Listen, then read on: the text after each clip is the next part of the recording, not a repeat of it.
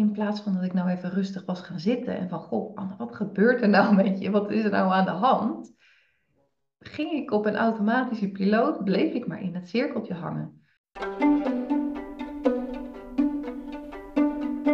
Welkom bij de podcast over intuïtief ondernemen. Ik ben Anne en ik ben intuïtief sales trainer voor alle ondernemers die moeite hebben met sales. In deze podcast neem ik je mee in onder andere wat intuïtief ondernemen, intuïtief sales doen nou eigenlijk betekent. Onderwerpen als spiritualiteit, intuïtie en alles wat te maken heeft met zelfontwikkeling zal ik behandelen in deze podcast. Leuk dat je weer luistert. Hij begint nu.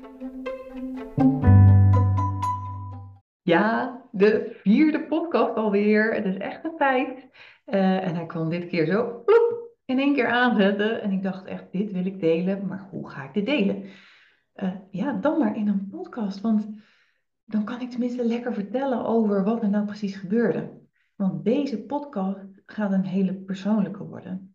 En dat heeft te maken met zelfontwikkeling. Met iets wat ik eigenlijk continu vertel, jij bent zelf je ergste vijand. Altijd. En deze herken je misschien wel. Hetgene wat je de ander het meeste leert, heb je zelf ook het meeste te leren. Of ben je het zelf het meeste mee bezig? En dat is ook bij mij zo, want ik moet mezelf ook steeds herinneren eraan. Anne, je bent zelf je ergste vijand. En ik ga je in deze podcast uitleggen wat er gebeurde uh, en waarom ik mezelf dit dus eigenlijk nog steeds mag leren. Want ik kreeg vandaag, nou vanmorgen, het is nu ochtend, ik kreeg uh, zo'n ontzettend mooi inzicht dat ik dacht, oh, dit is dus waar het de hele tijd misgaat, waar ik me dus mezelf enorm frustreer. Ja, en ik lach erom, want uh, ja, laten we er maar om lachen, want je kan erom huilen hoe je de afgelopen maanden in hebt gezeten. Maar ja, ander ding wat ik ook altijd zeg, spijt is zonde van je tijd. Dus ik ga gewoon beginnen bij het begin. Ik heb dus uh, soms dat mensen mij heel erg triggeren. En dat heb ik niet alleen, dat heb jij ook. Dat heeft iedereen. Je wordt getriggerd door iemand. En vaak kan je niet de vinger erop leggen wat je dan triggert iemand die maakt boosheid in je los, frustratie, irritatie, misschien zelfs ook verdriet.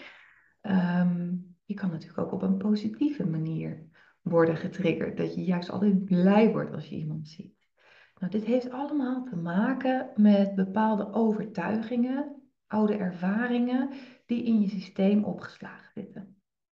En ik werd enorm getriggerd door iemand die ik een tijdje heb begeleid. En wat daar gebeurde, en daar ga ik even heel eerlijk over zijn, want het heeft niks met de ander te maken. Het heeft alles met hoe het bij mij binnenkwam uh, te maken en hoe ik daar zelf mee om ben gegaan. Ik heb daar overigens nooit laten merken, voor zover ik weet. Maar ik werd zo getriggerd in frustratie, in boosheid en ik snapte niet helemaal waar dat vandaan kwam. En ik ging eigenlijk onbewust, zeg ik heel eerlijk, onbewust, haar de schuld geven van dat ik mij zo voelde. Dus wat ik ging doen is, hé, hey, ja, maar zij doet dit niet, of zij doet dat niet, of zij erkent dat niet. Het, is, het is nooit genoeg. En dit had al een aanwijzing mogen zijn. Het is nooit genoeg. Want ik was dus zo bezig met met haar, hoe zij mij triggerde, dat ik vergat bij mezelf naar binnen te kijken. Welke pijn wordt er nu bij mij aangeraakt?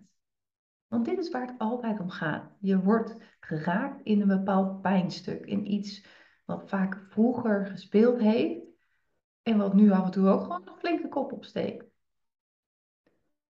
En vanmorgen, zij geeft een, eh, een groot feest uh, en ik ben uitgenodigd. En ik wil heel graag gaan. Maar ik ben er al twee weken mee bezig in mijn hoofd. Ik word weer getriggerd. En in plaats van dat ik nou even rustig was gaan zitten en van, goh, wat gebeurt er nou met je? Wat is er nou aan de hand? ging ik op een automatische piloot, bleef ik maar in het cirkeltje hangen. En wat de onderwerpen die voorbij kwamen, was, ja, maar wat doe ik dan aan? En ik betrapte mezelf bijvoorbeeld erop dat ik dacht, nee, dat kan ik niet aandoen, want dan steel ik de aandacht en dat zal ze niet leuk vinden. Mijn overtuiging komt niet van haar, mijn overtuiging heeft ook niks met haar te maken.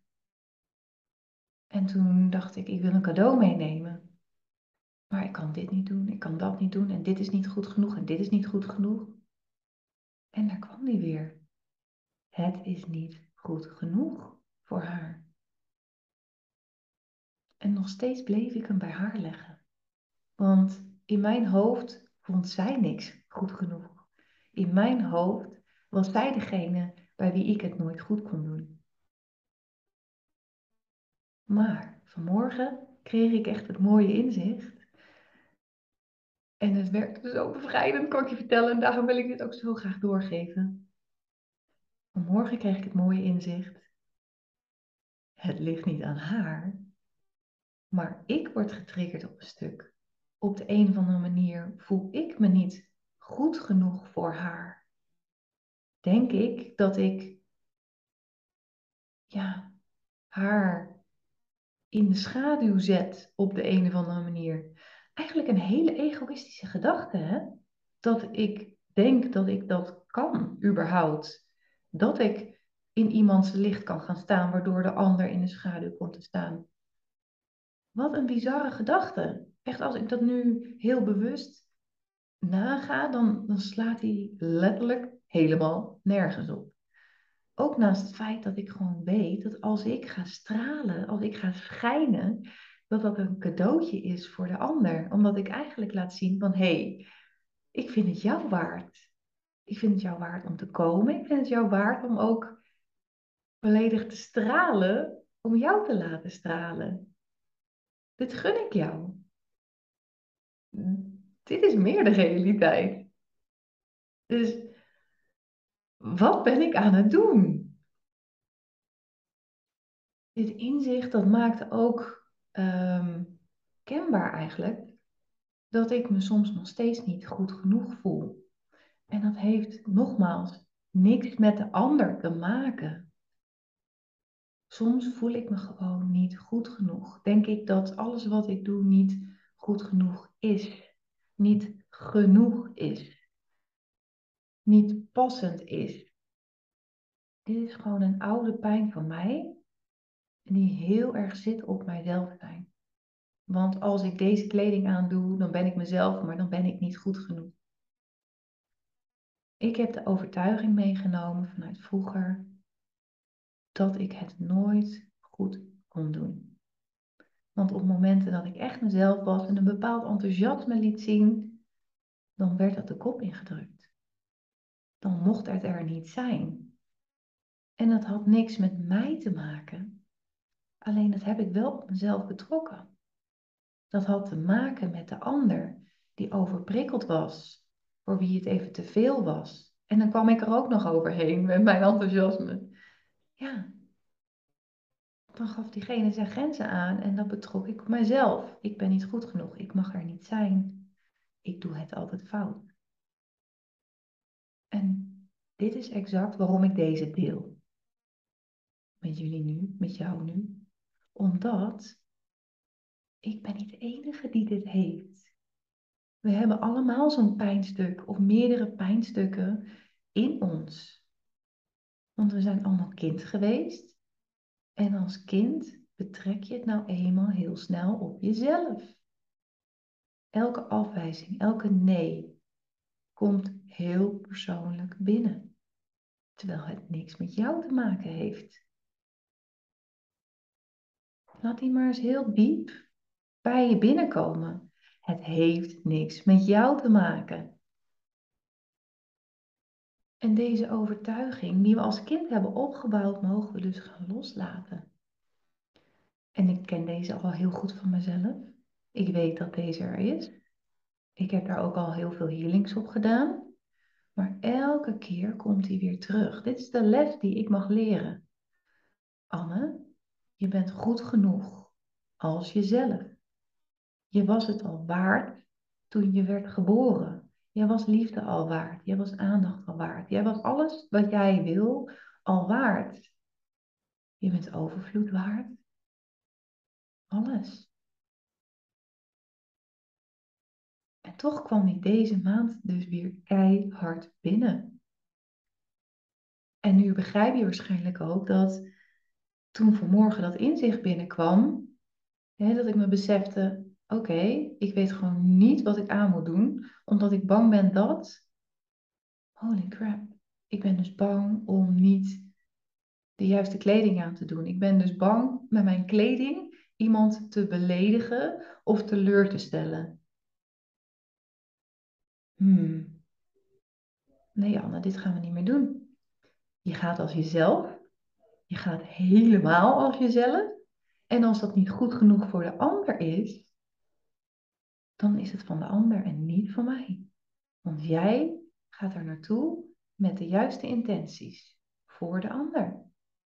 En jij mag helemaal jezelf zijn. Dus ik ga vandaag een cadeau halen. Wat ik graag de ander gun. Want het gaat namelijk niet exact om het cadeau, maar het gaat om de intentie daarachter. Aan wat ik jou wens. En dat is in de basis al goed genoeg. Snap je het? Ik heb best wel een omgeving die waarde hecht aan uh, cadeautjes. Of in ieder geval, dit is wat ik ervan gemaakt heb. Je moet het juiste cadeau vinden. Je moet echt je best ervoor doen. Ehm, maar heel eerlijk, als ik kijk naar hoe ik er zelf over, ja, in zit, dan ben ik al blij als je iets van je laat horen. Als je even aan me denkt en zegt: Hé, hey, je bent al jaren, gefeliciteerd. Of Hé, hey, gefeliciteerd met deze mijlpaal. Of what, whatever. Het gaat niet om het fysieke, om het materieel uh, wat je krijgt. In ieder geval, zo is het voor mij. Want met materieel, met een cadeau, toon je niet je liefde, Tenminste, ik niet. Ik toon mijn liefde op een andere manier. Door te zijn voor je als het nodig is. En dit is ook weer heel mooi, hè? Want hoe toon je liefde? Wat is liefde voor jou? En kan je dus liefde op een andere manier ontvangen als iemand anders het op een andere manier geeft aan je? Was trouwens ook een inzicht. Het bomvol met inzichten deze week. I love it. Zal volgende week niet heel veel anders zijn, want dan ga ik helemaal uh, de diepte in met een retret. Maar ik ben nu dus al bezig daarmee. Dus het inzicht is, lieve schat, je bent al goed genoeg. Je bent het al waard. Je mag helemaal, helemaal jezelf zijn. En als jij voelt dat jij niet helemaal jezelf kan zijn, geef dan niet de ander de schuld, maar kijk waar de ander jou dus triggert. Welk pijnstuk wordt er nu bij jou aangeraakt?